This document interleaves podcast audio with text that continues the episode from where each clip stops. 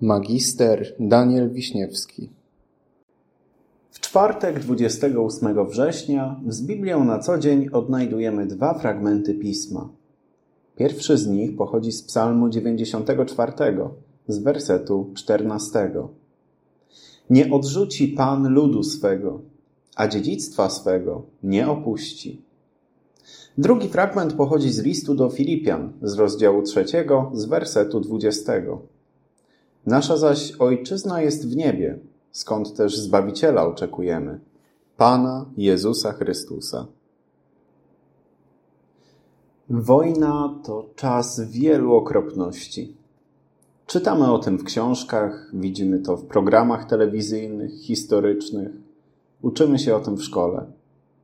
Jednak myślę, że nigdy wcześniej w naszym życiu nie rozumieliśmy, z czym taka wojna dokładnie się wiąże i na jak wiele aspektów życia człowieka wpływa, dopóki nie zapukała ona do naszych drzwi. Obserwujemy na własne oczy ludzi uciekających przed niebezpieczeństwem. Słyszymy potworne i niewyobrażalne jak dotąd historie.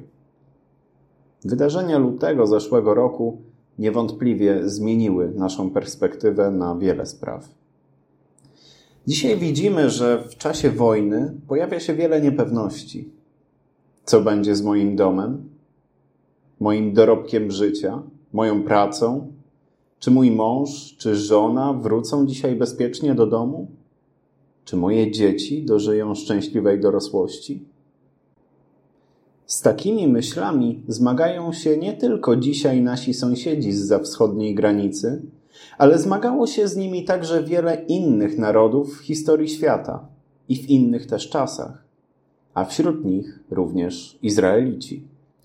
Psalm 94 miał za zadanie wyrazić te wszystkie emocje, które towarzyszą ciemiężonemu narodowi, cały jego lęk i zwątpienie a następnie udziela na nie odpowiedzi. W wersetach 1 do 7 tego psalmu czytamy: Bogiem pomsty jest Pan. Boże pomsty, ukaż się. Powstań, sędzio ziemi, oddaj pysznym to, na co zasługują.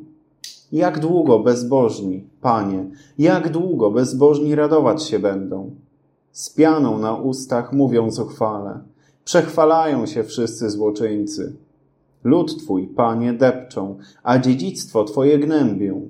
Zabijają wdowę i przybysza i mordują sieroty, mówiąc, Pan nie widzi tego i nie zważa na to Bóg Jakuba.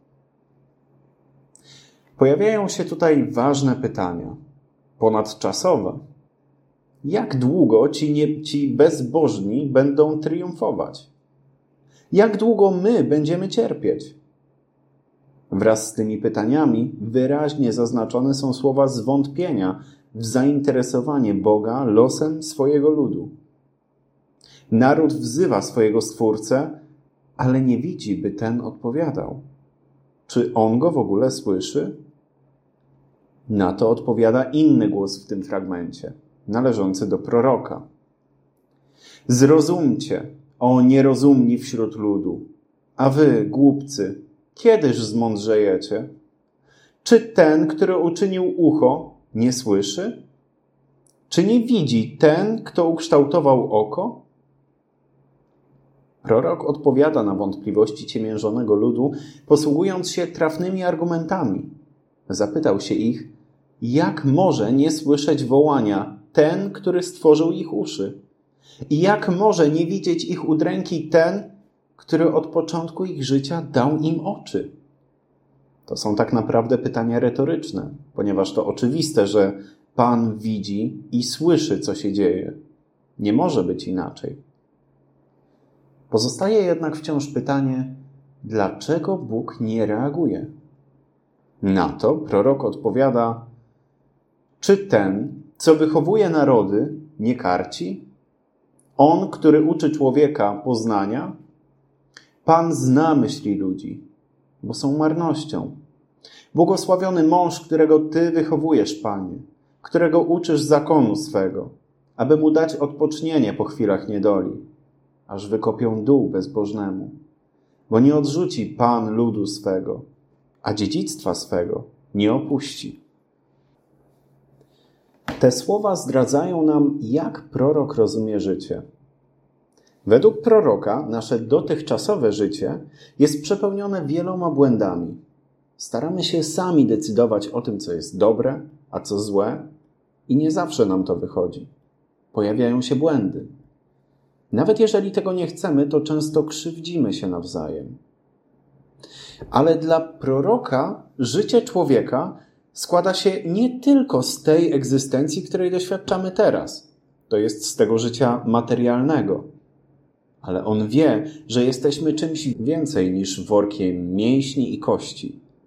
Mamy w sobie Boże tchnienie życia.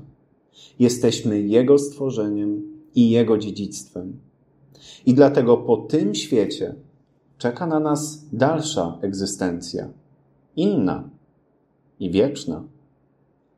To życie zatem jest dla proroka jedynie pewnym etapem na drodze do wieczności. Etapem, w którym mierzymy się z naszymi własnymi ograniczeniami, ale możemy też pośród tych ograniczeń otwierać się na Boga i poznawać Jego drogi. Uczyć się, jak chodzić przez życie tak, by nie błądzić. To wszystko ma za zadanie pomóc nam zrozumieć, jak wygląda życie bez Boga i jak to samo życie może wyglądać, gdy zwrócimy się do Boga o pomoc i złapiemy się Jego ojcowskiej ręki. To jest też myśl, z którą chciałem Was dzisiaj zostawić, drodzy słuchacze. Nasze ludzkie życie nie zawsze wygląda dobrze. Czasami mierzymy się z ciężkimi doświadczeniami, takimi jak utrata kogoś bliskiego, wstyd za nasze własne działania, żal z powodu utraty czegoś. Czasami cierpimy też z powodu przemocy, którą ktoś wymierza przeciwko nam. Ale pamiętajmy, życie to coś więcej niż te wydarzenia. My jesteśmy kimś więcej niż suma naszych doświadczeń. Jesteśmy Bożymi dziećmi, Jego własnością.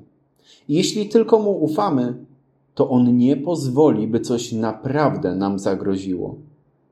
Bo nasze ciała mogą zawodzić, mogą zostać skrzywdzone, a nawet unicestwione. Ale to tchnienie życia, które On w nas wetchnął na samym początku, ta esencja naszego ja będzie żyło dalej w Jego wiecznym i trwałym królestwie tak jak napisano w naszej dzisiejszej lekcji apostolskiej.